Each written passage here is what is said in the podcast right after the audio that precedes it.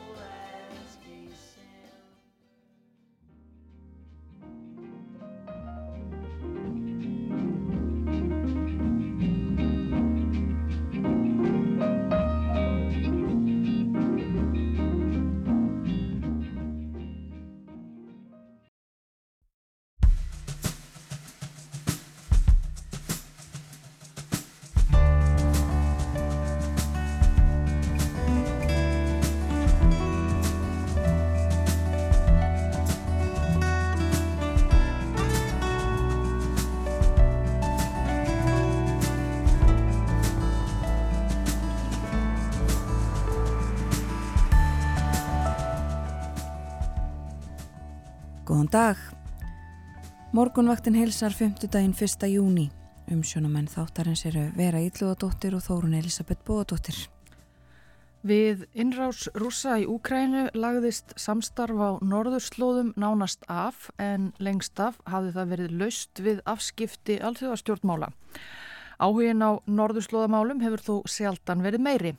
Þetta er meðal umræðefna þegar Bóji Ágústsson sest við heimsglöggan upp úr glöggan hálfa átta.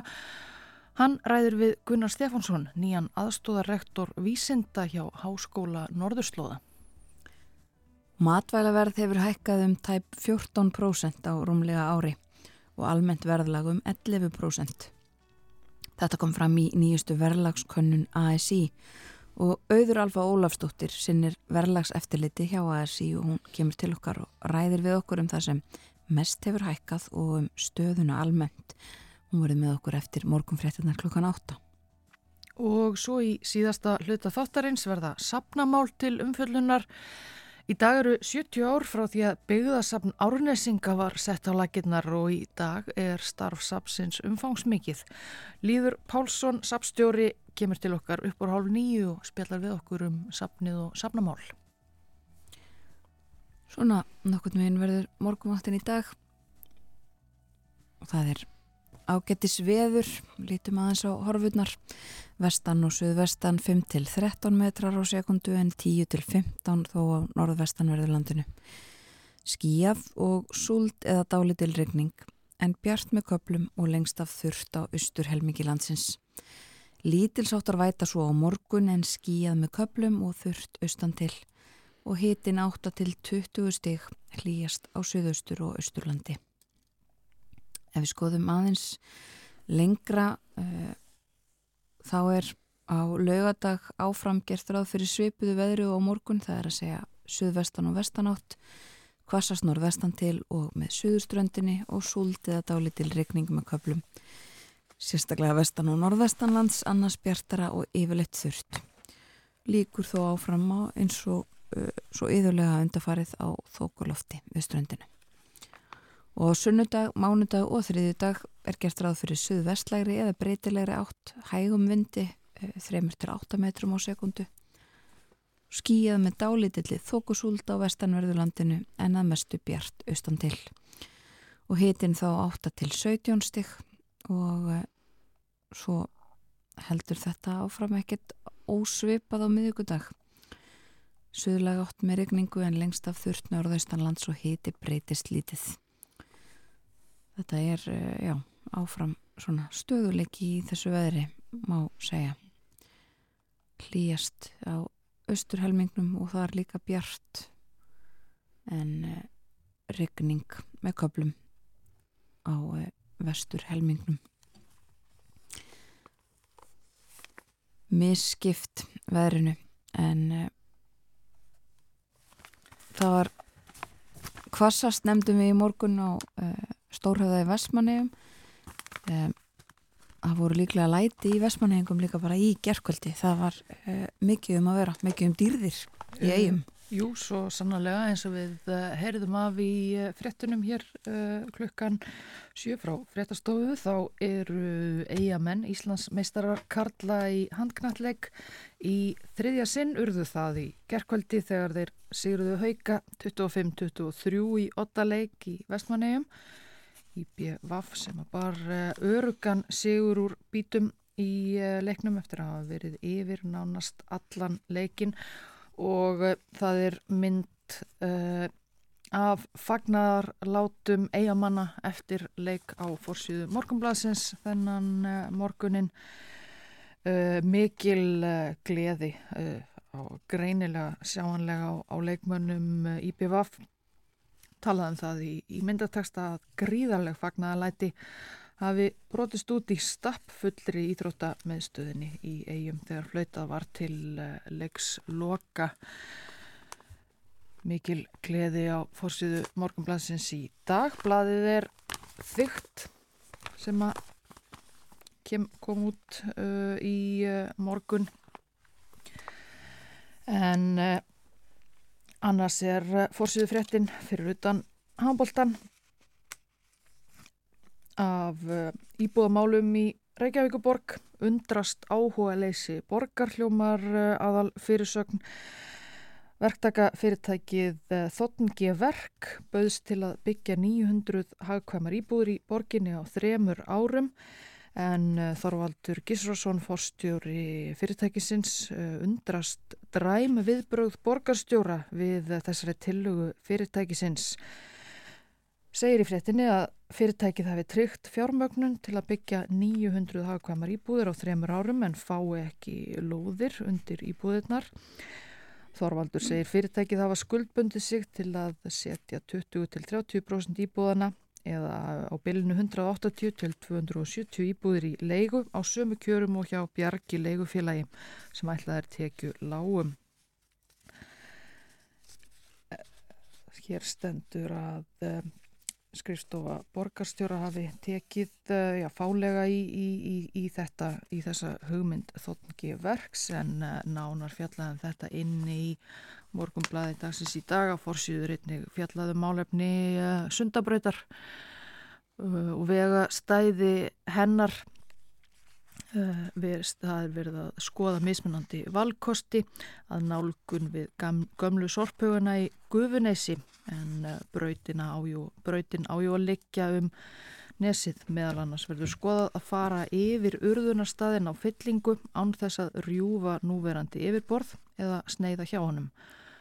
Umhverfisstopnun hefur áætlað gróflega að í Gufunesi hafi verið urðaður um 5 miljónir rúmmetra af óflokkuðum úrgangi þar með tala spilliefnum á árunum 1967 til 1991. Þá var jáfnframt urðaður úrgangur úr holræsum í útjæðari urðunarstaðsins allt frá til ásins 2001 en spilliefni voru ekki uh, sett uh, urðu þarna eftir 1984 nema í sérstökum spillefna pittum en nákvæm staðsetning spillefna pittana er óviss þó uh, er vist til kort sem sínir nokkun veginn staðsetningu þeirra þarf að finna þá áður en sundabraut verður, verður lögð þarna yfir en sem sé af nóg að taka í morgumblaði dagsins í dag. Einmitt. Við heyrðum af því líka í frettanum hér áðan að uh, það þokast eitthvað í viðræðum uh, eh, BSRB og, og sambandsíslenskra sveitafélaga. Verkvöld halda þó að fram í, í dag og uh, það var sagt, fundur í gerðkvöldi. Fyrst var baráttu fundur hjá félögum BSRB í bæjarbíu en svo kjálfarið því að bara í beinu framaldi held ég að fórsvarsmenn hafi farið á sáttafund sem að stóð fram á nótt og búið þeirra búða til annars fundar klukkan 11 e, í dag fyrir hátegi og e, verkföllin halda áfram þriðja vekan í gangi og e, það eru yfir 60 leikskólar sem að þar sem að þjónusta er skert vegna verkvallana og svo uh, fjöldi annara, uh, annara staða en þetta leggst þingst á leikskóla. Og búið að samþykja þetta frekara verkvall sem að stegmagnast áfram frá næstu viku ef að ekki verður búið að semja þá munu Uh, verkvöld ná til að minnstakosti 2500 starfsmanna í 29 sveitafélagum. En sem sagt, uh, þokast eitthvað, Sonja Ír Þorbergsdóttir saði í frettunum, það væri ennþá töluvert á milli deilaðala en það stittist, eða sé vonandi stittra en áður. Við fylgjumstu þetta með þessu og, og frettastofa Ríkisútursins mun gera það í dag. En uh, skulum heyra eitt lag áður en að haldið þér út í heim. Það eru Kings sem að syngja um júni mánuð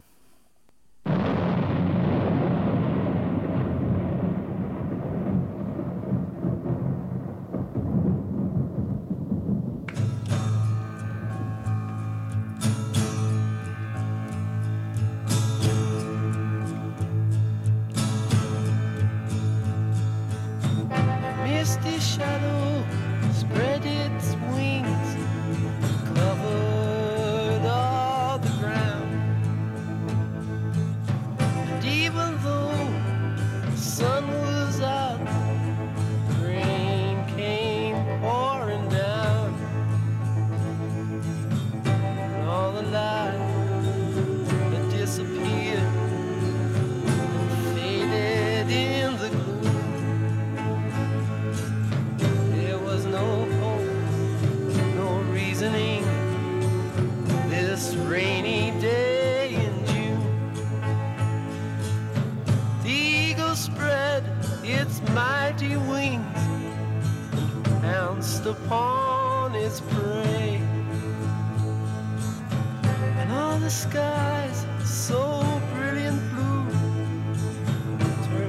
suddenly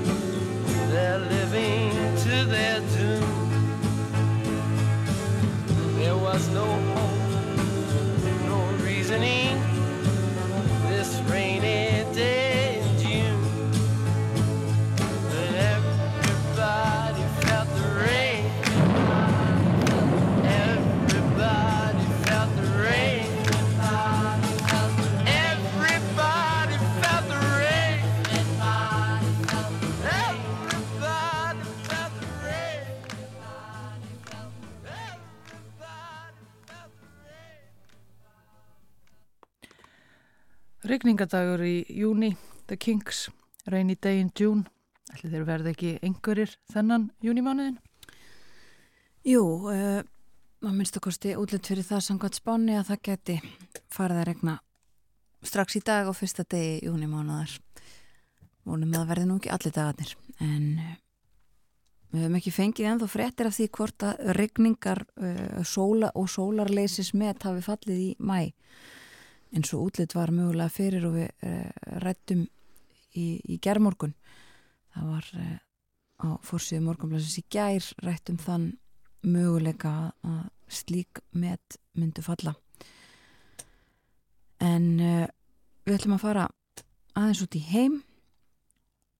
Við heyrðum svo sem nokkrar erlendar fréttir hér í uh, fréttatímanum klukkan sjö áðan meðal annars talaðum uh, það að Jens Stoltenberg frangotistjóri Allandsafsbandalagsins allar að fara til Tyrklands til þess að ræða þar við ráðamenn sérstaklega Erdogan fórsetta eh, ný kjörin áframhaldandi fórsetta Tyrklands til næstu fimm ára til þess að eh, fá hann eða reyna að fá hann til þess að láta af andstöðu sinni við ingungu svíja í Allandsafsbandalæð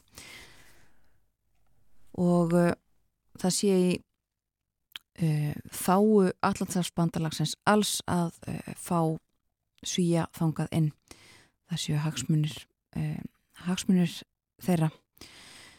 Og þetta er umfyllunarefni fjölmörgum fjölmiðlum uh, á Norðurlöndunum. Fjallaðum þetta í norskum og sænskum og dönskum blöðum og, og öðrum fjölmiðlum. og þetta er forsýðu efnið á uh, dagans nýhetir til dæmis í, í Svíþjóð þar sem sagt er að hann að Stoltenberg hafi talað við Erdogan. Og svo segir Stoltenberg uh, er með áætlun og vara áætlun í þessum málum. Og töluvert uh, fjallaðum um þetta þetta mál allt saman. Við komum kannski aðeins inn á þetta þegar að Bói Ágússon sest við heimsklukkan hér með okkur eftir uh, 15 mínútur eða svo. En uh, fleiri fréttir af Norðurlöndunum það er fjallaðum uh, flótamannamál og innflytjandamál á forsýðu informasjón í Danmörku og þá misráðinu áætlun uh, stjórnvalda og í, ýmsum Európulöndum að uh, og meðal annars er þetta á breskum fórsýðum í dag að það sé verið að reyna að uh, stoppa uh, flæði innflytjanda og flóttamann, flóttafólks frá já, eða yfir miðjarðahafið með því að uh, reyna að ná smyglurunum, þeim sem skipulegja ferðir fólks yfir miðjarðahafið en um, Evrópa reyni að, að, ná smyglurunum en það sé bara uh, mjög erfitt og yðurlega sé það bara fólk í neyð sem sé látið stýra þessum bátum uh, og sjá um hlutina það sé verið að fangelsa það fólk en ekki raunverulega skipulegendur. Politíken uh, fjallar um uh, stöðumála í alþjóða samfélaginu og það að Evrópa þurfi að endur hugsa hlutverk sitt í heimskerfinu. Miklar og heimspekilegar uh, pælingar á forsýðunni þar og við heyrðum líka í fréttanum hérna áðan af uh, fundi um, þetta er Evrópu bandalag eða þetta heitir European Political Community Evrópska stjórnmála bandalagið sem að hittist á fundi í Moldavíu í dag. Við rættum þetta við, um, við Björn Malmqvist í síðustu viku. Þetta þennan félagskap sem að uh, kemur saman og uh, þessi fundur til umfjöldunar uh, víða annar staðar.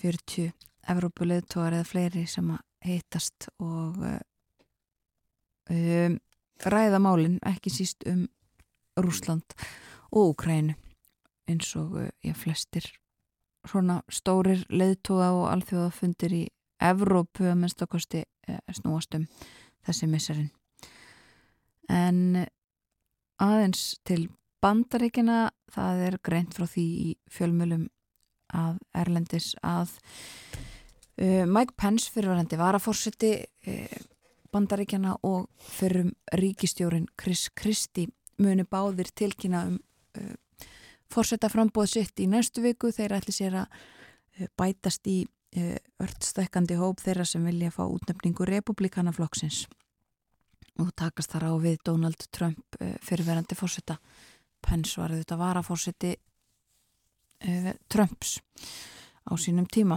og þetta þeir bætast í hópin uh, Ron DeSantis hefur nú þegar tilkynnt um, um sitt frambóð og verið talin uh, talin uh, annar valkostur við Trump en uh, það er fjöldin annar uh, fjöldin allur af, af öðru fólki sem að búið er eða gæti tilkynnt um frambóð á næstunni. Það er einhvern veginn alltaf kostningar á næsta leiti í bandaríkjónum.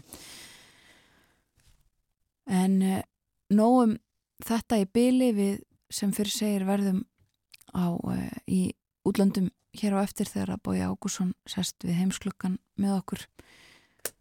Skulum heyra lag, eitt lag til viðbútar. Uh, ætlum að hlusta á eitt lag í viðbútt um júni.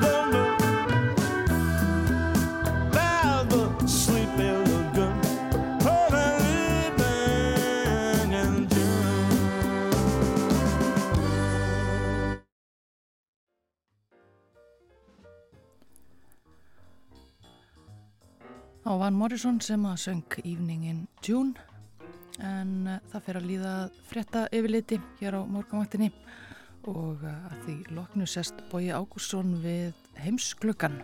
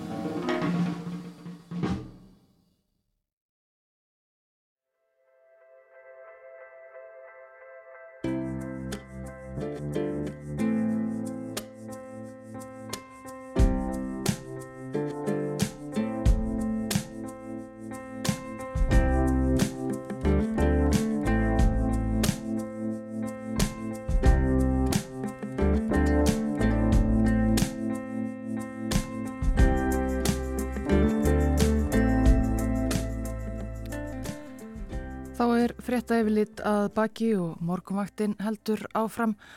Það er 50 dagur í dag sem þýðir að Bói Ágússon er komin til okkar og sestur við heimsklukkan. Góðan sæl Bói. Góðan blessaðan daginn vera. Við höfum búið það hér í morgun að við tölum uh, mögulega aðeins um Tyrkland og mögulega aðeins um, um Úkrænu en uh, við ætlum hins vegar að, að ræða svona, uh, eða svona helsta umfyllunarefnið uh, eru málefni í Norðurslóða. Já, það var fyrir vikunni undir þetta samstafsamningur á milli Háskóla Íslands og Háskóla Norðurslóða svo kallas University of the Arctic um að Gunnar Stefánsson sem er professor í verkfræði Háskóla Íslands verði aðstofarektor vísinda hjá Háskóla Norðurslóða. Þetta var gert í lók málþingsum mikilvægi rannsóknar samstafs á Norðurslóðum.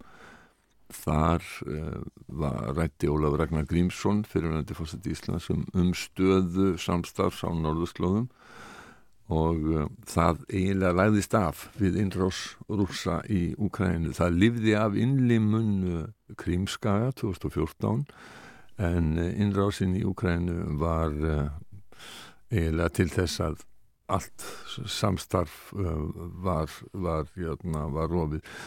Rasmus Gjessu Bertelsen, norðslóða sérfræðingur og professor uh, við háskólinni Tromsø og Nansen uh, gestaprofessor við háskólinni Akuri hann sagði hérna á morgunvaktinni núna fyrir rúmum mánuði að öllu samstarfi við rúsa hefði verið rift þegar að rúsa ríðust inn í Úkræðinu Ólafur Ragnar benti á að þetta norðslóða samstarf hefði lengst að verið uh, lust við afskipti al alþjóða stjórnmála og vísindamenn hefðu, hefðu lengst af starfað í þeim anda að vísindin skiptu öllu.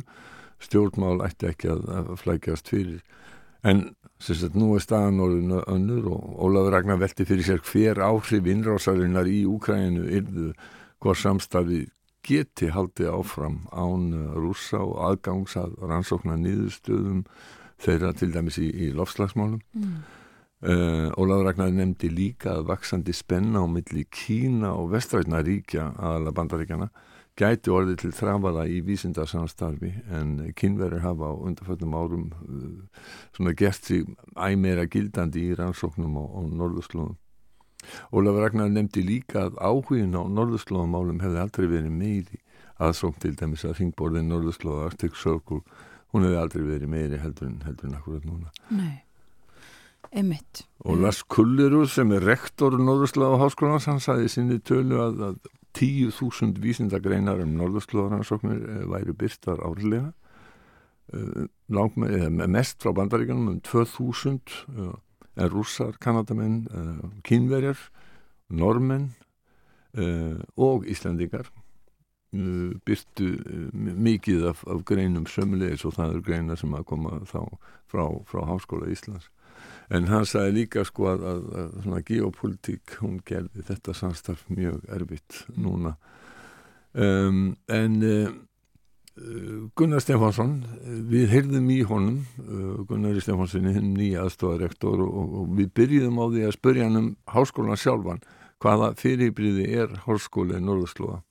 Já, þessi háskóli sem, sem ég kalla háskóla Norð, Norðurslóða en, en heitir henni University of the Arctics eða Arctic eins og við kallum að bara og hérna hann er sem sagt ekki nýra nálinni, hann, hann sem sagt var stopnaður að, að hérna Norðurslóða ráðinu eða heitir það ekki það eða, eða hérna Arctic, Arctic Council. Arctic Council, já. 1998 og uh, tók þrjú ára að koma honum á, á, á legg, þannig að 2001 er svona upphafs árið sem við köllum það og þetta var sem sagt strax að upphafi hugmyndafræðin var að, að, að þeir háskólari á norðurslóðin sem voru að vinna norðurslóða málefnum skildu tengjast, uh, ræða sín mál og, og fara að vinna saman. Og hérna þetta var gert og, og hérna svona byrjaði til dæla hægt fyrstir í flokki voru þarna náttúrulega finnar og normenn uh, ásamt svo rússum líka.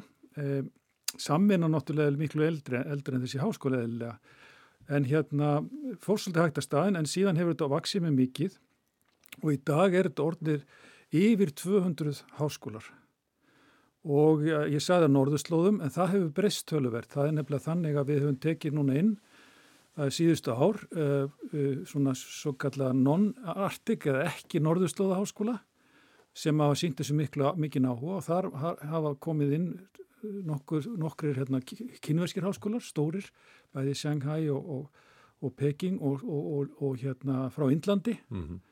uh, frá Mumbai og fleiri stöðum.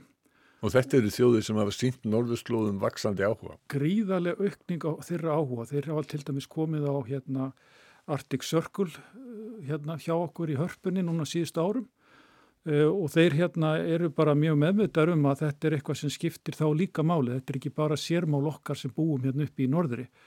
Og frá, frá Suðu Kóriu og Japan er mjög upplugt og það sem að, hérna, hefur verið að gerast núna er að þeir leggja okkur raunni mjög mikið lið, bæði með, með því að senda hérna, ísbrjóta og rannsóknartæki og tól út um, út um hérna, upp, upp til Artik og eru raunni þannig að fullir, fullir, fullir, fullir þáttakandur í raunni þessu, þessu rannsóknarverkefni sem skóli stýrir. Varandi skólan, hann er sagt, eh, er sagt samstagsverkefni þessara, þessara 200 háskóla, eða rúmlega 200 og er með höfustöðar í Rovaniemi í norður Finnlandi, þar sem að situr raunni svona hérna e, rittara, aðstæðan er þar Já. og svona innsti ringur þeirra sem stjórna svona daglegum rekstri skólans. Þannig að hann er á öðru leiti ekki með í rauninni kennslu eða rannsóknir sjálfur, heldur er það í rauninni þessi 200 háskólarúmur sem sjá í rauninni um það að skiptast á nefnum, vera saman í rannsóknarverkefnum og, og, og, og skólinn í rauninni, háskólinn Norðurslóna, hann safnar peningum Mm. Mjög mikið af peningum sapnast inn frá, í rauninni frá, frá, frá, hérna engaðilum, sérstaklega í bandaríkjunum og Kanada sem hafa svona hefð að, styrkja góð málefni við getum sagt, fyrir ríkar fjölskyldur sem dæmi og stopnanir. Evrópi er það svolítið meira stopnanir og stór fyrirtæki, það eru líka sjóðir eins og til dæmis í Svíþjóði Wallenberg sjóðurinn Já. hefur lagt þessu lið. Þannig að þetta er svona fjármagna svolítið örvísi en svona venjulegt háskólastar getur við sagt. En það er þetta ekki alveg eins háskóli Nei. og, og, og Nei. flestir aðri. Nei, e- nokkalega. Og, og ég sagði hann hafði aukist starfseminn mikið. Ég, hérna, við erum með sem sagt svona ákveðin, ákveðin hérna, samstarfsvettvang sem við kallum Thematic Networks Já. og þau eru orðin núna yfir 50 sa- talsins og það er semst að þá er, er, er það hópar af einstaklingum sem hafa áhuga okkur ákveðnum rannsóknarverkefnum sem að koma sér saman um að verða svona samstarfsaðilar Já. og svo styrkir rauninni háskóli þetta starf með bæði ferðarpenningum og, og, og hérna sjá til þess að fréttir af þessari vinnu þeirra komist á framfæri gennum heimasíðuna og svona reynir að tryggja að þetta sé í gangi þannig að þetta detti ekki upp fyrir sig út áhuga leysi eða neitt slíkt. Þitt hlutverk núna sem aðstofarektor, er- þú, þú gegnir ákveðnu hlutverki. Já, það eru sem sagt, eh, við erum fjórir sem sagt aðstofarektorarnir eh, og hérna mitt hlutverk eh, sem sagt, e- e- eitt af því til dæmis er, er, er, er hérna aðstofarektor yfir þessum thematic networks Mm. sem ber ábyrð á það sem það er bara verið að gera það sem á að gera. Það er annar, annar sem, sagt, sem er yfir kennslumálum aðstofarektor, þriðja aðstofarektorinn er yfir í rauninni sko hérna exchange-program eins og við köllum það, það er að segja að bæði nefnundur og kennara geta farið á milli háskóla, Já. tímabundið eða, eða fundi eða eitthvað slikt. En mitt hlutverk er hérna uh, það sem kallast uh, aðstofarektor vísinda og mitt, mitt, mitt hlutverk í rauninni er, er að sjá til þess að þeir, þau vísindaverkefni sem er í gangi, að þau séu bara reikin eins og á að gera. Þar eru sem sagt 25, eh, það sem við kallum rannsóknar stjórar sem í rauninni svara eða senda á mig upplýsingar um gangmála. Ég sé líkum það að útluta peningum úr sjóðum okkar í gegnum umsóknarferli eins og gengur og gerist. Þannig að hérna, þetta er sko, hansi stórt hlutverk innan háskólas og, og hérna töluvert hérna mjög gott framtak að Háskóli Íslands hafi ákveð að taka þetta að sér vegna að þetta er ákveðin skuldbinding, þetta er skuldbinding til fimm ára. Eh, hún er í formið þess að, að, að, að í rauninni borga mína, mína stöðu, Já. hún semst kemur ekki úr sjóðum háskólans, Eh, það eh, heldur er það Háskóli Íslands sem í rauninni sem fjármagnar þetta, þannig að þetta er gríðaleg skuldbindning og þetta er eitthvað sem að stjórn háskólans og Jón Alli Benediktsson hefa haft mikinn áhuga á lengi. Mm. Það er að fá sem sagt eh, að Háskóli Íslands fái, hérna e, stærra hlutverk. Við erum einn af stjórnarmann af, af, af 13 sem er Magnús Tumi og hérna jarðisfræðingur og hann hérna er búin að vera líka mjög hérna drífandi í því að fá, fá að hérna Háskóli Íslands að, að sækjum þetta og þetta er ekkit sjálfsagt að fá þetta vegna þess að þetta er, eins og segið, þetta er tölver stór staða og, og, og er hérna fyrir okkur bara mjög mikill heiður að hérna að fá að hafa þetta og eða fá þessa stöðu og fyrir, kom fram í máli uh, Lars Kullerud, Mm. rektors skólans, að það væru meir en 10.000 vísindagreinar um norðurslóðaransóknir skrifaðar álega. já, Þannig að þetta er mjög umfangsmikil starfsemi. þetta er mjög umfófsmikið starfsemi og, og hérna skemmtilt frá því að segja líka og ég er, er að hérna við vorum að skoða þessa tölur eh, hérna í dag aftur. Og það er, það er þannig að Há- Háskóli Íslands er bara í hérna fjórða að fymta sæti með fjölda greina. Það sem, sem tengjast norðurslóðum og það er svo sem ekkit skrítið. Við erum náttúrulega það land sem er innan norðurslóða, ef við reiknum að norðurslóða séu 60 norður og allt þar yfir. Já, já, ekki bara fyrir norðan hisku. Nei, það er ekki þannig, það er náttúrulega mikil starf sem, er- sem er fyrir neðan og við svona segjum stundu 60 séu mörkin, það er náttúrulega er engin mörk þannig, þetta er skilgrinningatrið. Já, En ef við, ef við segjum það, þá náttúrulega er allt landið fyrir ofan Já. og í rauninni þá norðurslóðar land já, í sinni heild sem að náttúrulega er ekki, eh, hinn Norðurlöndin er ekki til dæmis og ekki, ekki Kanada og Bandaríkin sko. nei, nei.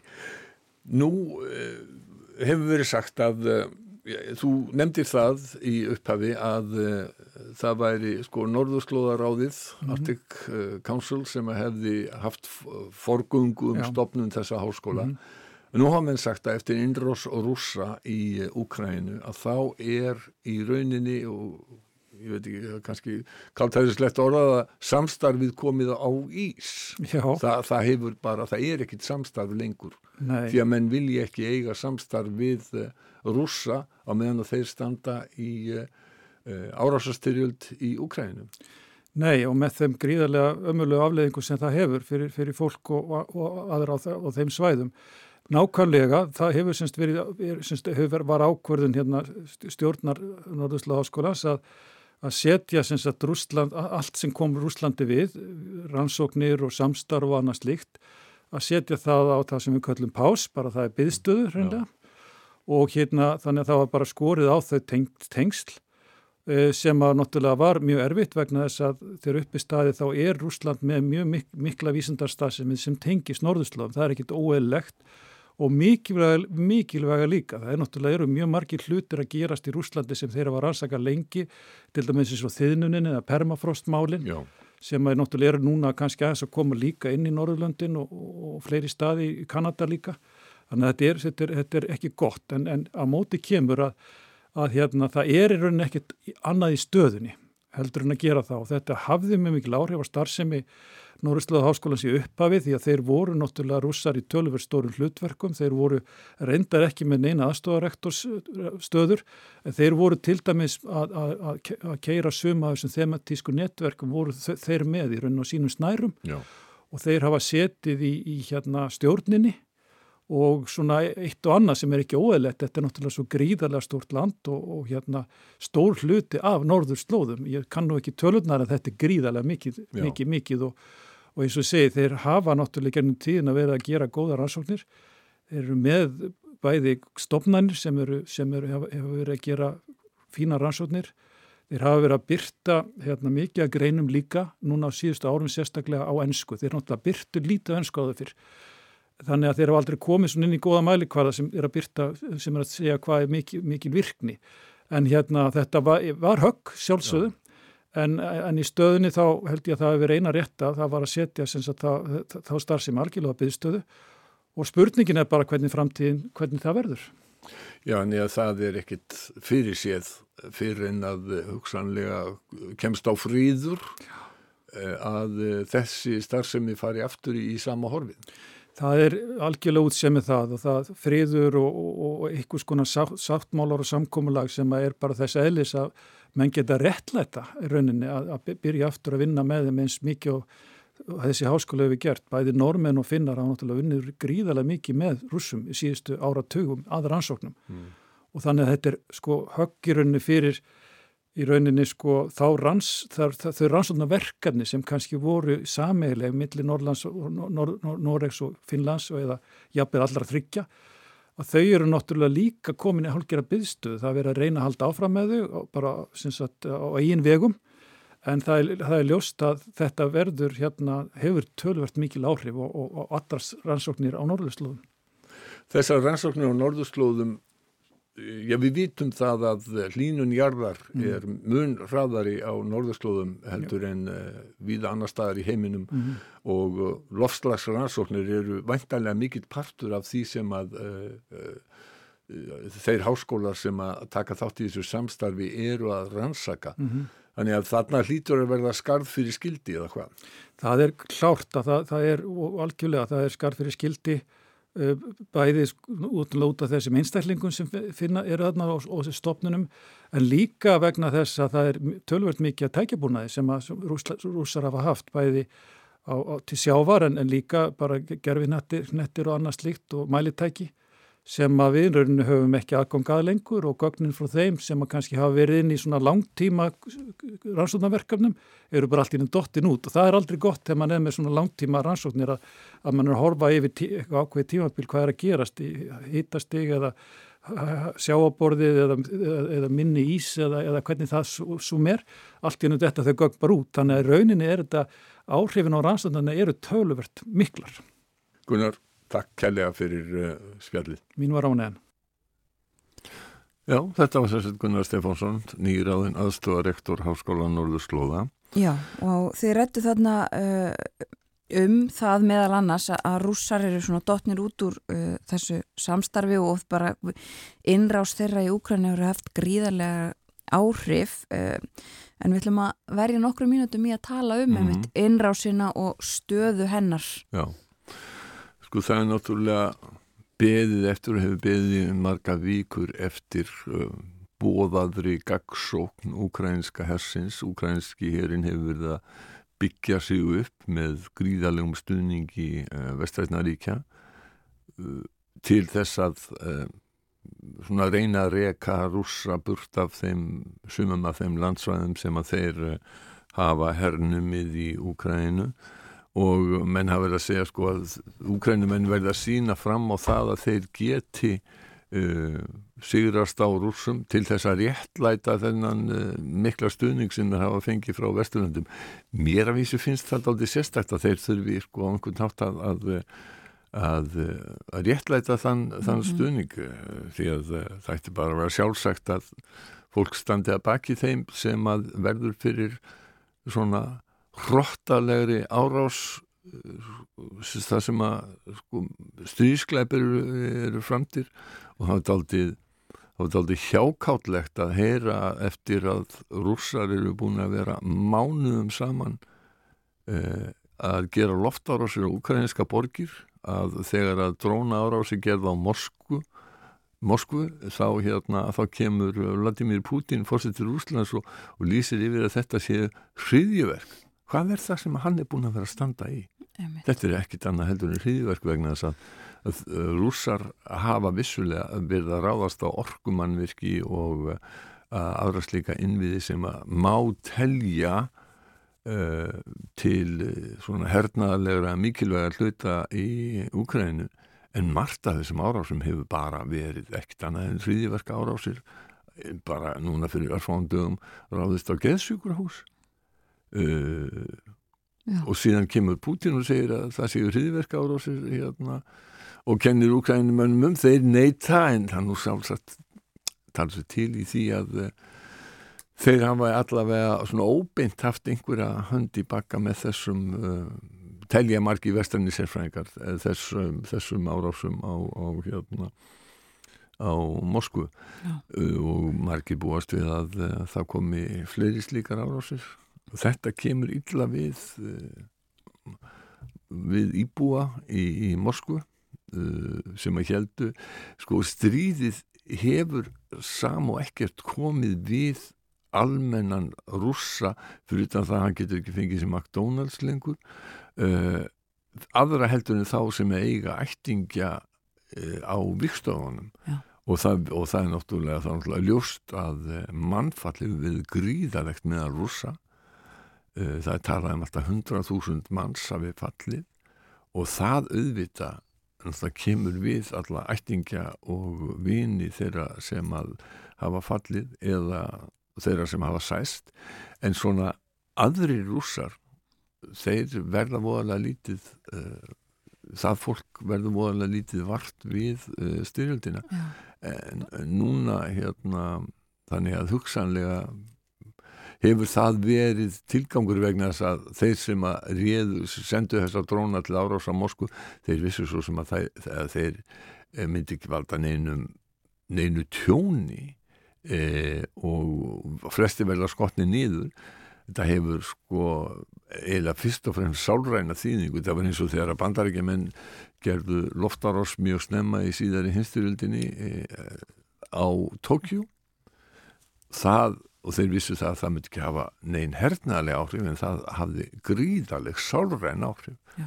þannig að það er það sem að menn eru að hugsa um í þessu sambandi sko. Akkurat. Já, og alltaf þetta nægar fréttir uh, því miður af þessum þessari innrás og, og því sem er í gangi. Um, eigum við rétt í lokin að uh, nefna, við nefndum það hér aðeins í morgun, uh, það að Jens Stoltenberg, framkvæmdastjóri Allandsafsbandalagsins, ætlar að fara til Tyrklands, tala við Erdogan, eigum við aðeins að, að- tala um þetta. Já, sko staðan, það er margir uh, sem að telja að staðan hafi breyst eftir kostningarnar. Nú er uh, Erdogan Tyrklandsfórseti örugur í sessi næstu fimm árin með þeim skelvilega áhrifum sem það getur haft fyrir líðræði í, í landinu, það litla sem eftir er og réttar öryggi og annað en börsir frá því að þá, uh, og hann er ólíkinda tól, hann geti þess vegna þó hann hafi sagt sko að uh, hann myndi aldrei hleypa svíi mynd því að þeir uh, væri að skjóta skjólshúsi yfir hefndaverkamenn og geta hann alveg breytt uh, um, um skoðun Uh, hann hleyfti finnum inn eftir að þeir gerðu svona minniháttabreitingar á hriðiverkalögjöfunni í dag taka gildi í Svíþjóð ný uh, lög um uh, baráttuna gegn hriðiverkum það gæti verið nægilegt fyrir Erdogan að, að segja að nú hafi Svíjar hérna hlýtt sér og þeir hafi hunskast til þess að, að fara eftir sínum ráðum og þess vegna hleypið hann þeim inn. Sko raunveruleg pressa á hann er frá öllum NATO-ríkjum og sérstaklega bandaríkjunum. Og uh, uh, Tyrkir hafa verið að leitast eftir að fá nýjar um, ný uppgerðar eða uh, nýri tegundir af F-16 herþóttum og bandaríkjumenn hafa ekki viljað leifa þeim það og þeir hafa ekki viljað selja þeim og eða, eða hugbúnaðar uppfæslur fyrir uh, þær uh, F-16 þóttur sem að Tyrkir eiga fyrir. Og meðal annars út af því að þeir hafa staði í vegi fyrir að svíjar uh, fái að ganga inn. Nú uh, gæti það breyst, það er mikill þýstingur og, og, og bandarækjumenn hafa sagt sko, þeir hafa gefið það í skín að ef að þeir hleypi svíjum inn í NATO að þá fáið þeir þessar F-16 þóttur. Þetta er svona ákveðin pressa. Síðan er sko efnahagslífið í Tyrklandi er í rúst Já. og það er ekkert sem stefnið sem segir annað heldur en að það verði áfram bara mjög slemt og þessuna sko Tyrkir meiga eiginlega ekki við því að sko, anna, öðru heldur en að standa í góðu sambandi við Evrópusambandið og Bandaríkin vegna þess að einfallega út af hérna, fjárhagsast og annars slíkt þannig að það er von til þess að, að eh, Erdogan breyti um skoðun. Takk fyrir í dag, Bói Ákusson. Takk.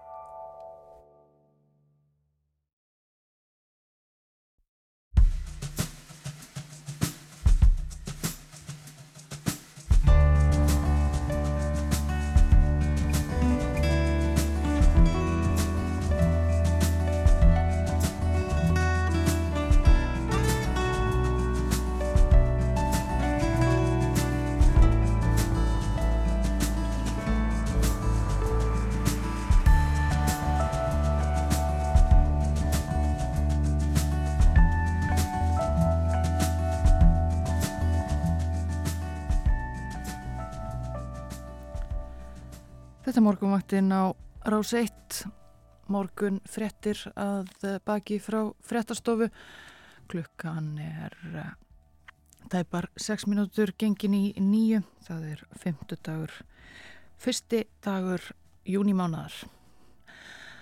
Við eh, rættum við Boga Ágússon hér fyrir frettir og ég settist við heimsgluggan og eh, við heyrðum meðal annars viðtal hans við eh, Gunnar Stefánsson, professor í verkfræði við Háskóla Íslands en eh, fyrir vikunni var undirritaður samstarfsamningur á milli Háskóla Íslands og Háskóla Norðurslóða um að Gunnar verði aðstóða rektor vísinda hjá Háskóla Norðurslóða. Bói rætti við hann um málefni Norðurslóða og eh, samstarf, alþjóða samstarf á norðurslóðum og eh, fór síðan einnig stuttlega yfir eh, ástandið í Úkrænu, stöðumála í stríðinu þar og sumuleiðis Tyrkland eftir kostningarnar í Tyrklandi. Og við minnum á það að hér á eftir ætlum við að ræðum sapnamál. Líður Pálsson, sapstjóri á byggðarsafni Árnesinga verður gestur okkar klukkan hálf nýju. En eh, nú ætlum við að velta fyrir okkur og ræða um stöðu efnahagsmála hér á Íslandi. Við ætlum að tala um verðlag, eh, verðbólguna og eh, til okkar er komin Auður Alfa Ólafsdóttir. Hún sinnir verðlags eftirliti hjá ASI og eins og við gátum um í kynningu í morgun þá hefur matvælaverð hækkað um tæp 14% á rúmlega einu ári og almennt verðlag um 11%. Þetta kom sér satt fram í nýjustu verðlagskönnun ASI. Uh, góðan dag og velkomin til okkar. Takk. Við ætlum að byrja þarna uh, á verðlæginu uh, og því sem að þið fylgist með og því sem að hefur hækkað hvað mest. Þetta er bara uh, könnun frá því fyrr, eða já, í, í síðasta mánuði núna, í mæi er það ekki?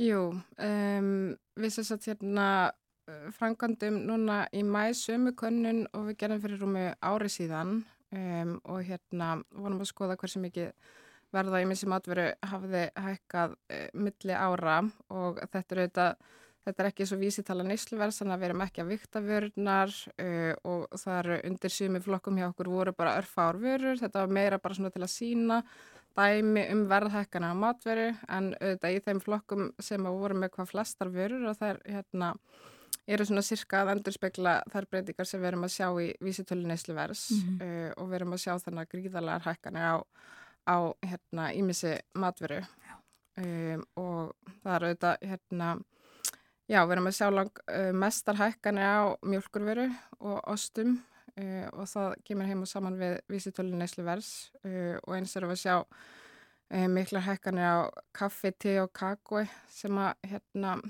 já, um, já, endurspeglar líka vísitölu neyslu vers og þetta er bara mjög margar vöru sem er að hækka mikið í verði, brauð og kornvara líka og kjötu þetta hefur verið að hækka mikið í verði.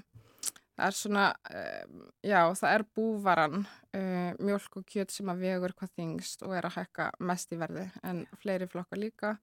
En svo eru hérna um, matvara eins og, eða, já, sigursúkulega og selgeti sem er að hækka aðeins minna í verði uh, og drikjarvara. Ja. En hérna þessi, já, aðal matvara, hún er að hækka mjög mikið í verði. Já. Aðal matvara, það eru náttúrulega bara nöðsynjar. Já, algjörlega. Um, en segi aðal matvara þá er að tala um þessa flokka sem að hérna vega hvað þingst í matveru karfinu sko. Já, já. En hérna, já þetta eru bara gríðalar hækkanir og eins og ég segir þá er hérna matvara búin að hækka um 14% núna einu ári og við erum að sjá hækkanir í hverjum einasta mánuða matveru.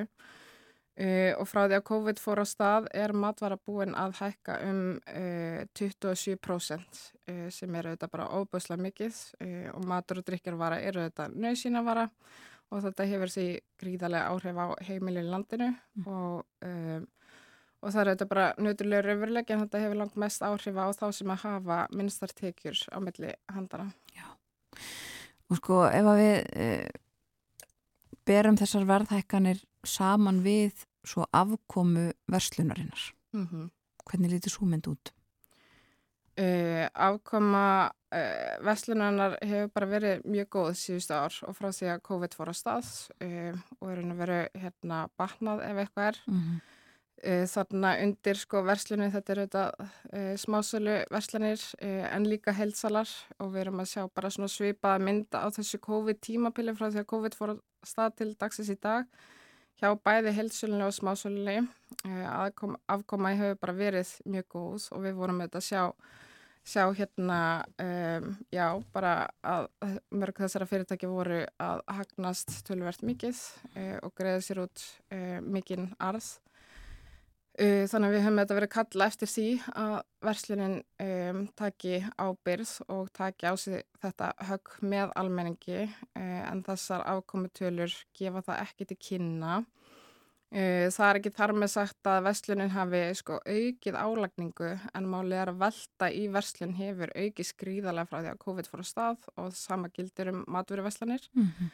um, en já, en afkomendunar sína samt sem áður að, að, hérna, að það er svigrum til þess að hérna, fyrir versluna til þess að taka á sig þetta högg með almenningi. Já.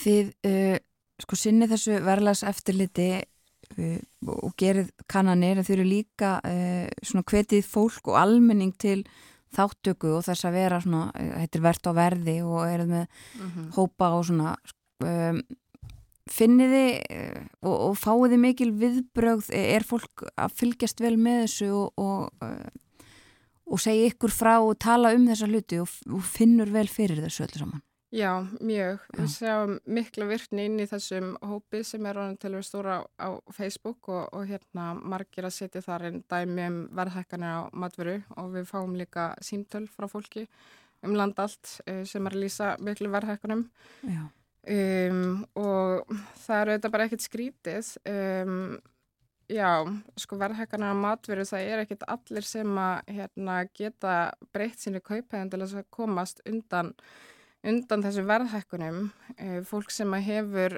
segja, sem tilherir þessum millitekju hópi og kannski svona já, fólk með hérna uh, herri tekjur það getur þetta bara breytt sinni kaupæðun og sleppir því að kaupa einhverja luxusveru eða eða já, veru á þjónustu sem að sko er, veru, er ekki þörf á um, og hérna uh, þannig að þetta hefur ekki mikil áhrif á á þeirra útgjöld. Uh, Fólk með millitekjur getur kannski uh, fer ég að kaupa sko ódýrari vörumarki en það gerði áður um, en fólk sem er með lagstu tekjunar það var kannski fyrir að kaupa þessu ódýristu vörumarki uh, en þarf kannski núna bara að slappa því að kaupa hérna viðkomandi vöru mm. veist, þannig að þú veist kannski áður keftur hérna Já, varst að kaupa jógurt, um, hérna, millitekjum manneskjan, hún fer yfir í ódri jógurti á meðan að manneskjan sem er með lagstu tekjunar þá er bara að hérna, sleppa þessu já, úr, hérna,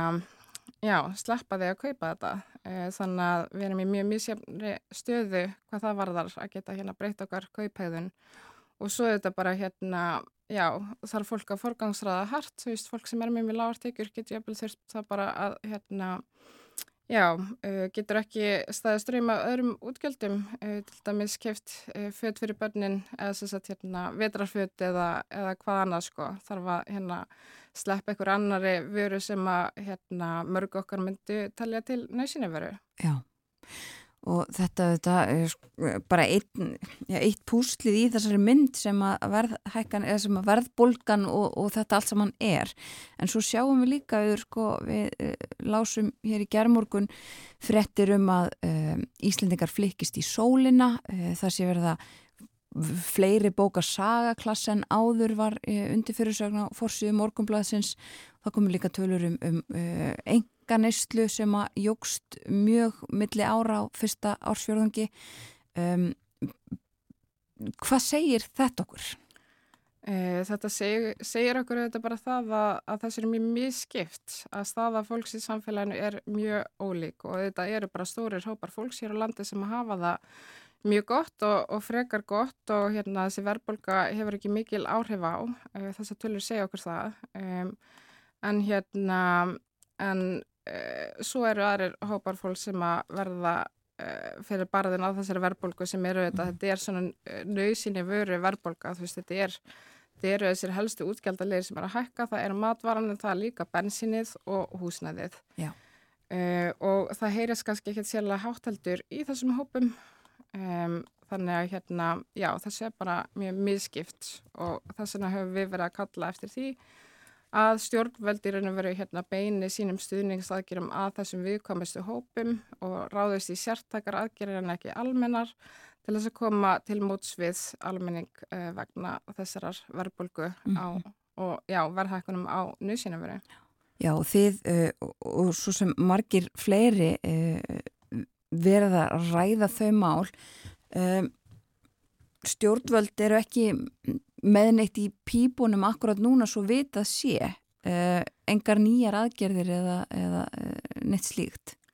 Nei, um, það verðist ekki vera en hérna þegar nýverið vera hérna uh, sagst ætla að auka aðhald í ríkisfjármálunum og hérna maður auðvitað ræðist það að það komi niður á þeim sem að sískildi Uh, stjórnvöld hafa auðvitað sagt að þau hérna, sé að standa vörðum þá sem að minnst hafa melli handana en við höfum ekki verið að sjá það. Við erum auðvitað með þessi uh, velferðar og stuðningskerfi, þú veist við erum með barnabótakerfi, við erum með vakstabótakerfið og svo erum við með húsnæðisbætur og þessi kerfi eru auðvitað oft notuð svona til þess að styðja við uh, fólk sem að, já, já. hefur minnabilli handana á barnafólk og hérna og uh, hvað ég að segja? Uh, vakstabætur það var bætt í það kerfi um, núna nýlega og einn í húsnæðisbótakerfið og í barnabótakerfið. En hins vegar sko voru þessi kerfi búin að dragast aftur úr miðaði verðlag. Uh, þannig að þessar bætur voru ekki með að halda vergildi sínu. Þannig í raun og veru voru við bara að komast á sama stað og vorum hérna fyrir nokkurum árum. Þú veist þetta er í raun og veru ekki sko Um, engar ekki aukning í bótum frá því sem fyrr var heldur var bara verið að hérna, uh, já, bæta upp í hérna, uh, lækanir á þessum bótum. Uh, þannig að þetta er raun og verið ekki að koma til móts við heimilin í þessari erfiðu stöðu vegna verðbólgunar mm.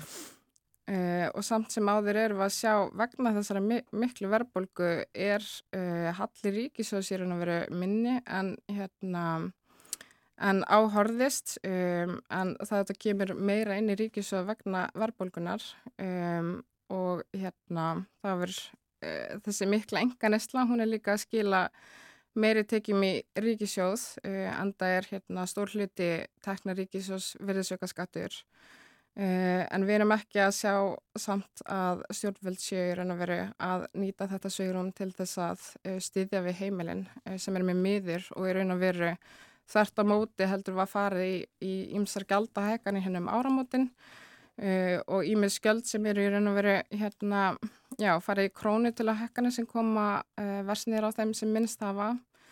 Um, þannig raun og veru ef eitthvað er þá hafa stjórnveld verið að auka álögur á almenning á, á þessum erfiðu tímum í stað þessar áðust í stuðningsaðgerir sem að mörglönd í heiminum hafa ráðist í Já, er það þannig að það er við að verið að setja inn í svona sveipu kerfi? Já, bæðið svona velfæri kerfi og hérna það eru auðvitað ymsar útfærslur á svona stuðningi, það eru auðvitað mörglöndi í Európu sem að hafa hérna þar sem að um, verða á orku hefur verið að hekka mikið og þá hefur hérna, orku skattur til að mynda verið lekkaður. Uh, Sumland hafa tekið upp á því að hérna uh, greiða læri, eða sérst heimileg með læri tekjur bara svona út eingreðslu þannig að það eru hérna ymsar aðferðir uh, auðvitað til þess að stíða við heimilin mm. en við hefum ekki verið að sjá neinar aðgerir í þessa veru hér um, og auðvitað og þetta eru auðvitað hérna já þessi stuðningur sem við hefum verið að kalla eftir en við hefum líka verið að kalla eftir að ríkisfjármálunum verði beitt til þess að, að hérna um, hérna hvað ég segja um, já, minga samsagt hérna um, hérna peningamagni umferð. Já. þannig Akkurat, sko það var e, í tengslum við COVID e, greittur út til dæmis svona e, sérstaklega batnabóta, auki og greipi til svona sérstakra ráðstofana þar og væri að eitthvað mati tilinu til að til dæmis bara dustar ekki af því að gera eitthvað svoleiðis aftur Það kemi vel til greina um, og hérna þetta eins og við sáum í, í hérna kannun verður ansvonastofnun um, hérna vinnumarkaðarins að þá er þetta að koma mjög illa neyður á hérna fólki með börn og hérna sérstaklega einstæðu fóreldrum þessi verðbólka uh, þannig að hérna uh, barnabætur eða sérst aukning barnabóta eða sérst ykkur barnabóta auki uh, það kemur vel til greina um, og eitthvað í þá veru. Mm -hmm. þannig að hérna það er auðvitað mjög mikilvægt á svona tímum að verja heimili eh, að sérst verja barnafjölskyldur. Eh, við sáum það eftir hérna hrun að um, hérna já, að staðan þá kom langvestnir á fjölskyldufólki og þá helst uh, einstæðum fóreldrum þannig að þetta eru hópar sem þarf að passa mjög vel upp á. Já og það uh, rýmar er það ekki við uh, svo tölur sem við uh, höfum verið að sjá einmitt, þú vísaður í vörðu rannsóknir þar mm -hmm. og svo líka bara í fyrir þessari viku verið að vitna í manntalið hjá hagstofunni sem að síndi einmitt einstæðir foreldrar ekki síst og, og, og fólk með börn sem að um, var með legstu tekjurnar og það var uh, fyrir tveimur árum áður en að uh, þetta ástand svona skall á.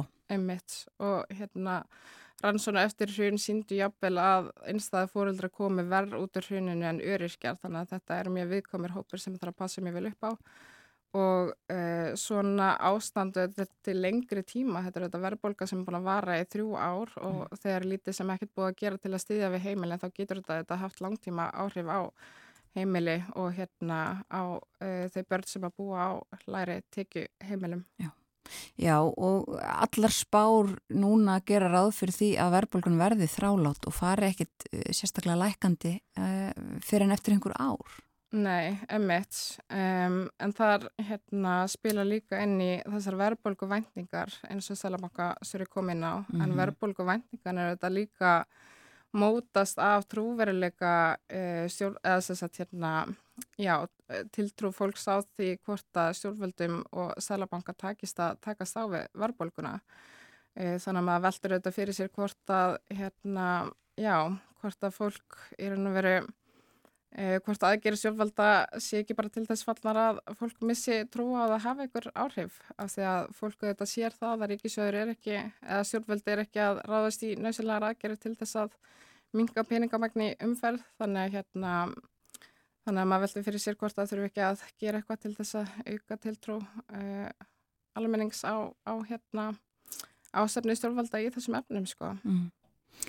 Hvað bara eh, svona stuttumáli rétt í lokin, hvað ef að þú ættir svona forgámsraða þessum aðgerðum sem að þið myndu vilja sjá ráðist í? Hvernig litir sá forgámslistu út? Hvað ef að þú væri að stjórna þessu, hvað væri eh, fyrst á dagskroni í dag? Það væri sennilega að hérna, auka í barnabátakerfið eh, en það skiptir mjög miklu máli fyrir mm -hmm fyrir hérna barnafölskyldur, uh, svo er það húsnæðisbótakerfið, við erum að sjá þetta fólk á leikumarka, það líka koma mjög illa út Um, og svo er það hérna tekjuhliðin, uh, það er að ríkið hérna, um, já, nýti hérna, já, bara skatta, notið skatta til þess að halin meiri tekjum og, og leggja það á, já, það var hætta að hekka fjármægstekjuskatt, það var hætta að setja á tímabindi kvalreikaskatt uh, og ímislegt í þá veru. Þannig að ég held að hérna vapnabúr sjálfvalda er tölverð stort og hérna þau þurfum bara að fara að byrja að nota eitthvað úr því. Kærar þakki fyrir komin á morgavaktina auður alfa Ólustóttir frá ASI. Takk fyrir.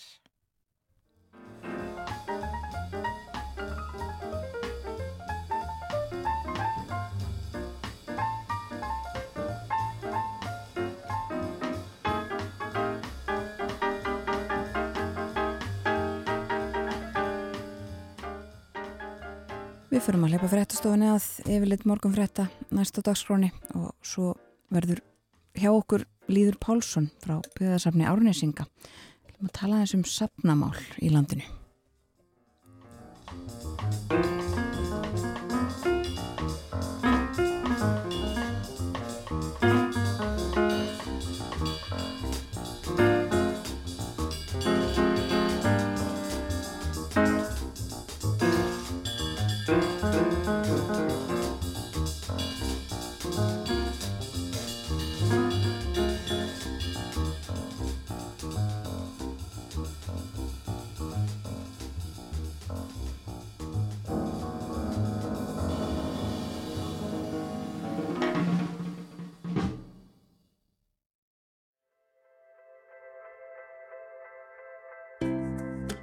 Frétta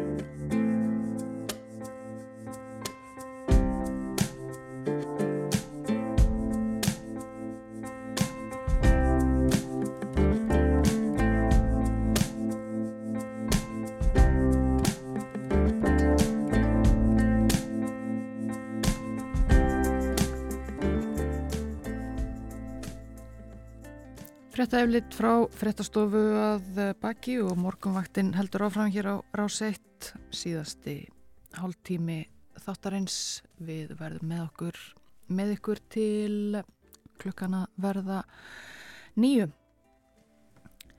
Það er fyrsti júni í dag, femtu dagur og rétt að líta aðeins yfir veðurhorfurnar í dag Viðstofan spáir vestan og suðvestan 5 til 13 metrum á sekundu en 10 til 15 á norðvestanverðu landinu. Skíjað og súld eða dálitil rigning en bjart með köplum og lengst af þurft á austurhelmingi landsins. Lítilsáttar væta á morgun en skíjað með köplum og þurft austan til, hiti 8 til 20 stig, hlýjast á suðaustur og austurlandi og uh, keimlík spáinn uh, á landinu næstu daga. Hér fyrir frettafliti rættum við við auðu ölfu Ólafsdóttur. Hún er hjá ASI, sinnir verðlags eftirliti og rætti við okkur um stöðuna, eh, verðbólguna og eh, það hvernig eh, matvælaverð hefur hækkað samkvæmt þeirra eftirliti framkvæmdu könnun í mæ síðaslinum sem að var svo sama og hafi verið framkvæmt rúmu ári fyrir í, í loka mars árið 2022 báru saman verð og með við það þá hafi matvælaverð hækkaðum 14% og fjölmarkar vörur hækkað verulega í verði. Algengast var að brauð og mjölkurvörur hefðu hækkað. Hún fór yfir þessi mál og, og svona hvaða aðgerðir ASI myndi vilja sjá ráðist í til þess að verja tekjulagstu hópana hópana sem að verða helst fyrir barðinu á verðbólkunni og þessum verðhækkunum öllum. Og rætti líka það að það sé bara töluverð skipting en það sjáum við tölurum aukna enga neyslu um ferðalög til útlanda og, og fleira það sé þannig að, að það sé bara stór hópur sem ekki finni sérstaklega fyrir þessari verðbólku á meðan að aðrir hópar finni fyrir öllum þáttum hennar en meira líklega um, um þau mál setna. Nú ætlum við að uh, snú okkur að öðru. Til okkar á morgunvaktina er uh, komin Líður Pálsson frá byggðarsafni Árnesinga.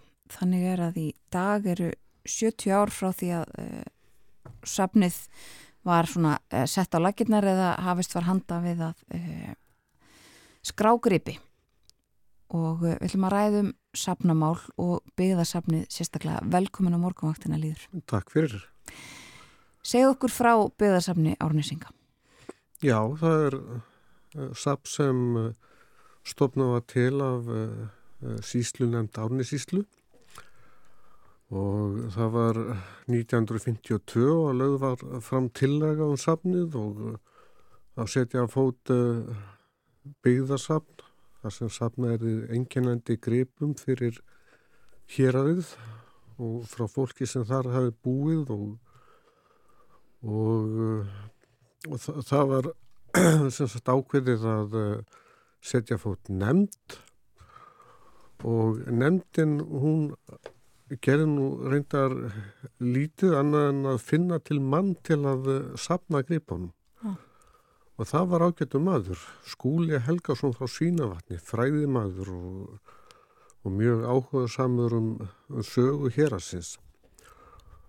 Og uh, hann hafði uh, á sínum tíma fyrir þetta sem sagt uh, sangað að þessar einhverjum gripum en 1. júni 1953 þá virðist hann byrja að skrifa í, í aðfangabók sem er enn til og ég grýp stundum í og hann skráir þá fyrst gripina sína, ykkur á 25 gripi en uh, svo fær hann fær sapnið, það, það er þá komið sapn þá fær hann uh, ykkur á sjö gripi frá uh, Sveitabæ hérna í Röngirseppi Arnastöðum.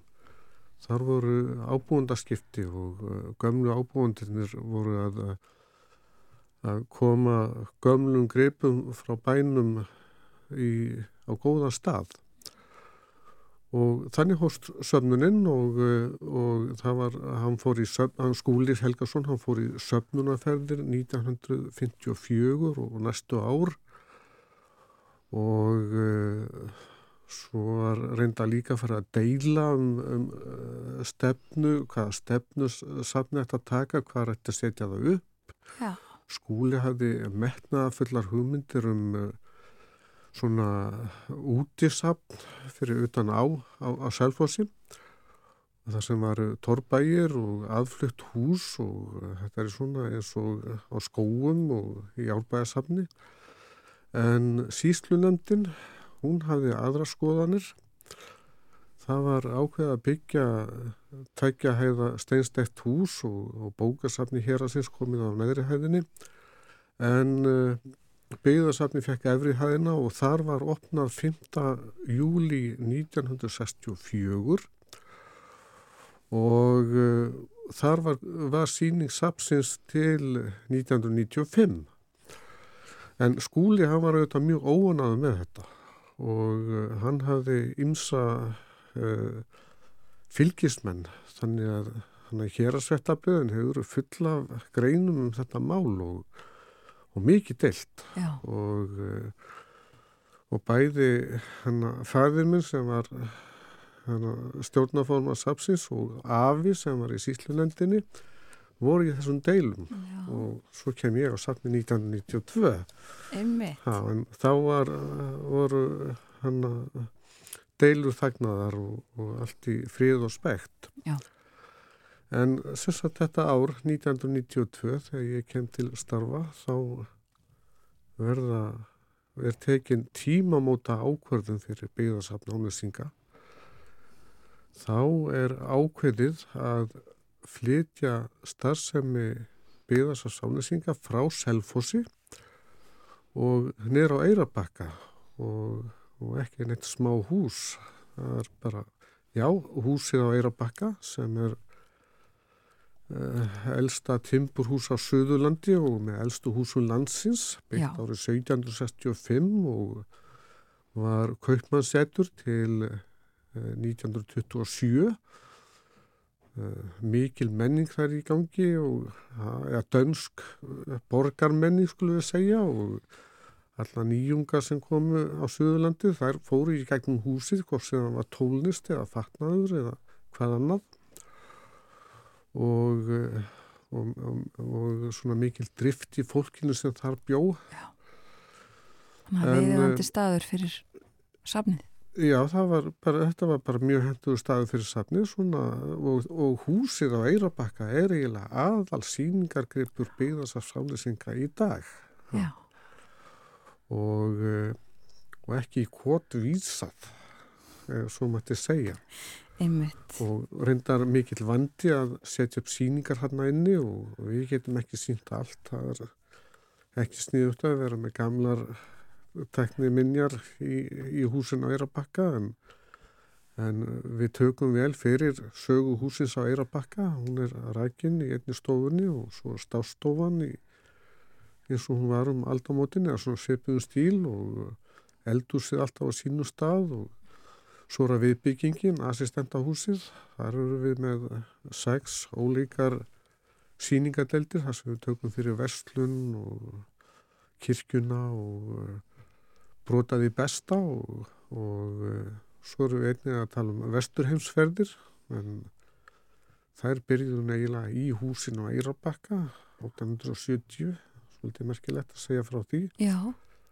Segð okkur hans frá því. Já, það var þannig að, að,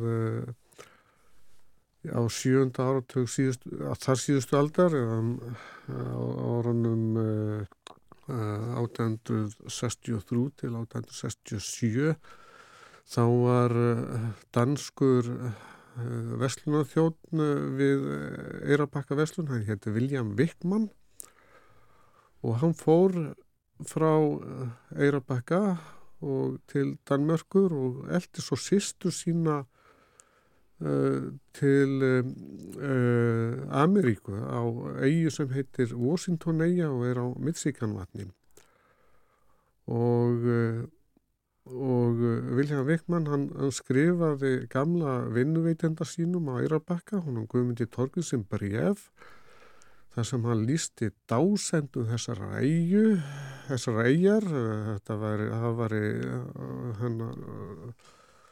um, stór tún og, og, í, og í sjónum eða í vatninu væri fullt af fiski sem allir mættu veiða og þetta væri sko bara dásanda land og þangað ættu Íslendingar að flytja. Og Guðmundur Torgrisinn hann let þetta bref svolítið ganga og þannig fór að 1870 það fóru fjórir ungir karlmenn f- sem allir voru tengdir húsin á Eirabakka frá Eirabakka og til Skotlands og þaðan til Ameríku og enduð á þessara eigu og svo árið 1874, 1872 þá fóru uh, uh, 13 einstaklingar frá Eirabakka á eiguna og ég er í góðum kontakt við eigaskeggja og, og uh, fór þangað 2018 mjög merkilega eigja og sögurík og þannig eru líka uh, uh, minjar, eða ekki minjar, það er hennar eh, lítil eigja við Washington eigja sem heitir Klett eigja og þar er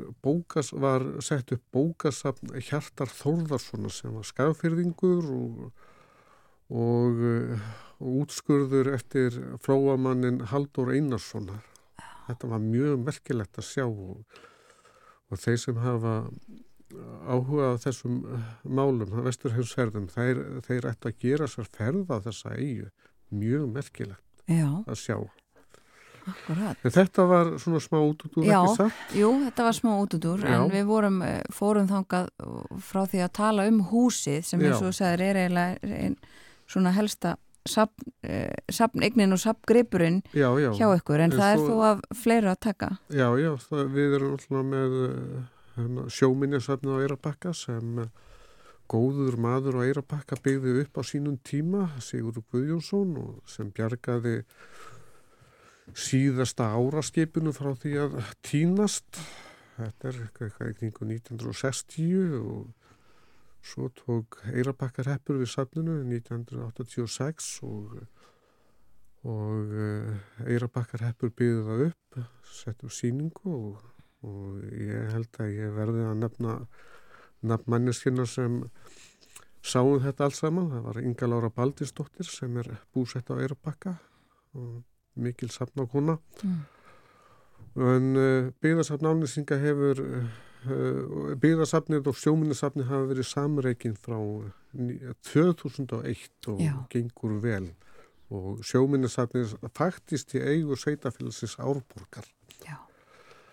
En Nú, hvað, hvað með byggðasafnið? Eh, Hver, eh, hver rekur það? Já, byggðarsafn ánæsinga það er í eigu hérastnefndar ánæsinga sem er mjög merkileg nefnd og göfug og uh, skipuð í, kringum 24 víðsýnum einstaklingum úr héraðinu. Sem sagt, já, já, bara pólitíkusögnur okkar, það eru sveitastjórnarmenninni sem sitja hann í þeirri nefnd og, uh, og hérastnefndin hún sér um að reka þrjú söfn, uh, byggðarsafn ánæsinga, listasafn ánæsinga og héraskjálasafn ánæsinga og svo tónlistaskólan og slökkvelið sem er náttúrulega stort og mikið og, og þegar ég fer á fundi hjá hérastend ánæsinga þá þykir mér best að vera á milli tónlistaskólans og, og brunavarnana því að tölurnar mín að vera svo lágar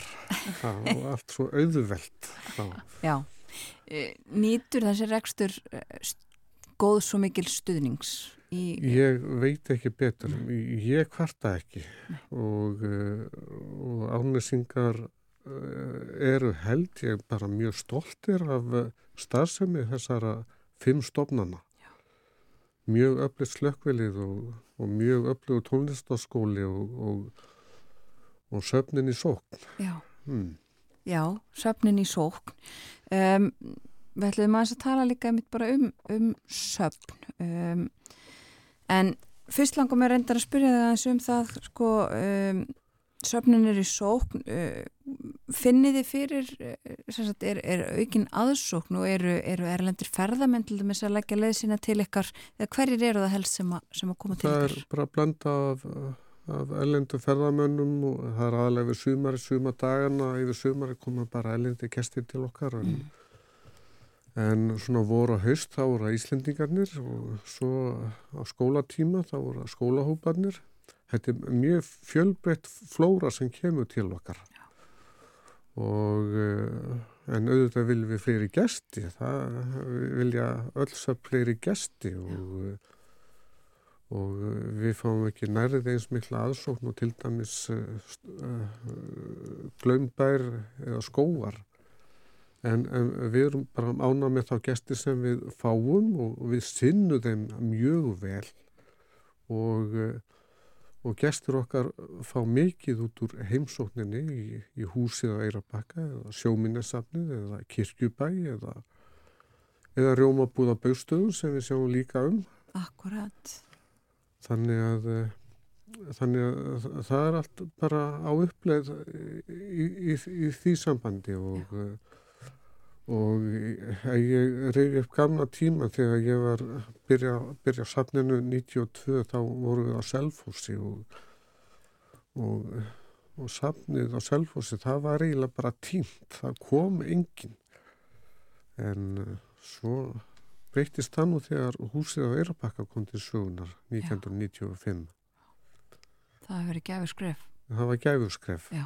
og uh, svo erum við svo heppin að uh, að uh, sveitarstjórnamenn hér í þessu héræði þeim, uh, þeir eru mjög meðvitaðir um það að söfn þurfa innri aðstöðu.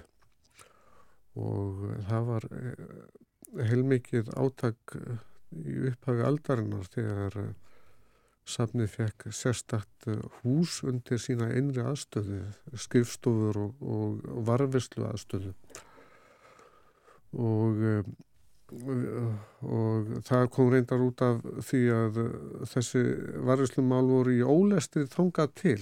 Og við komumst með að segja í, hérna í lesbók Mokkans með skamma grein, heilsíðu grein um, um safnamálinn bara vegna þess að, það, að flutningi sapsins var hann um aldamótin 2000 ekki lokið. Já, akkurat. Og þá nutu við þess að, að rýstjóri lesbókar morgublasins var ánesingur og um heppin þar Einmitt. Já, við ætlum aðeins að ræða í lokin einmitt um sko safnamálin almennt. Þú segir að söfnin hjá ykkur þau eru í sókn og það er velvilji gagvart þeim og svona.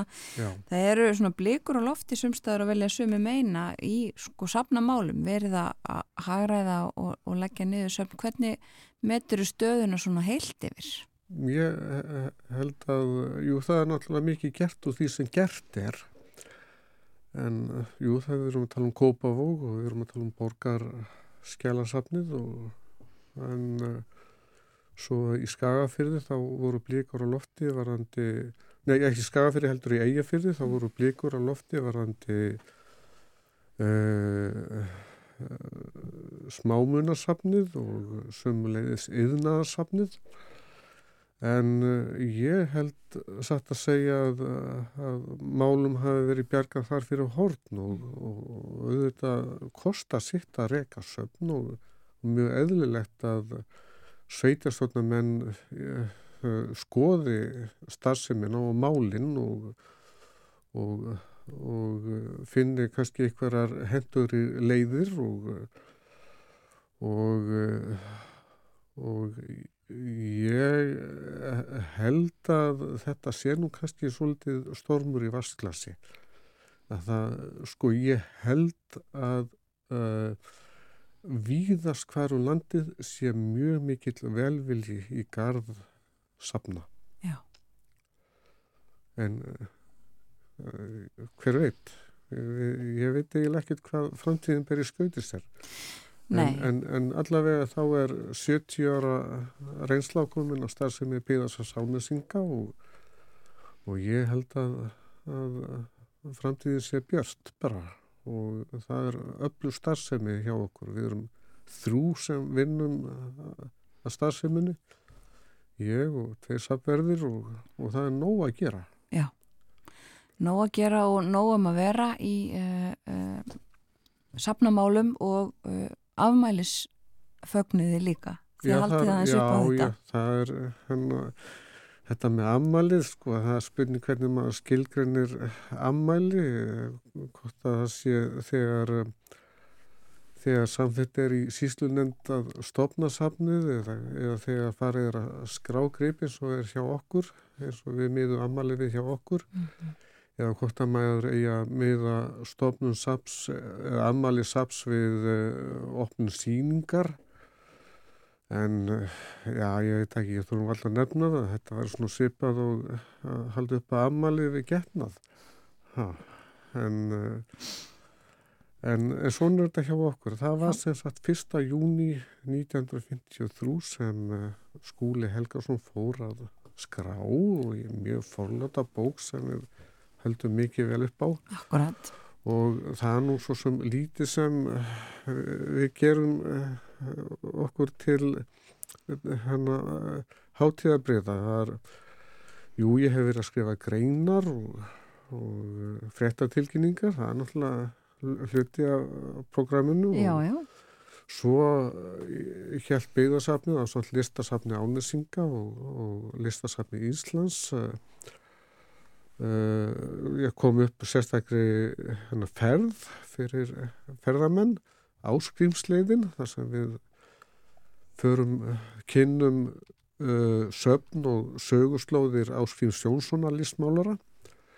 Það er sem sagt uh, uh, Áskrimur Jónsson hann var sem sagt vikapiltur í húsinu um 1890 og, og ákvað þar að gera listmálari og og uh, svo var við til listasafn álýsinga uh, málverkettir uh, áskrím Já. og gjöf áskrifsti þjóðarinnar er varveitt hann í Bergstaðastræti 74 listasafn áskrifs Jónssonar Akkurat.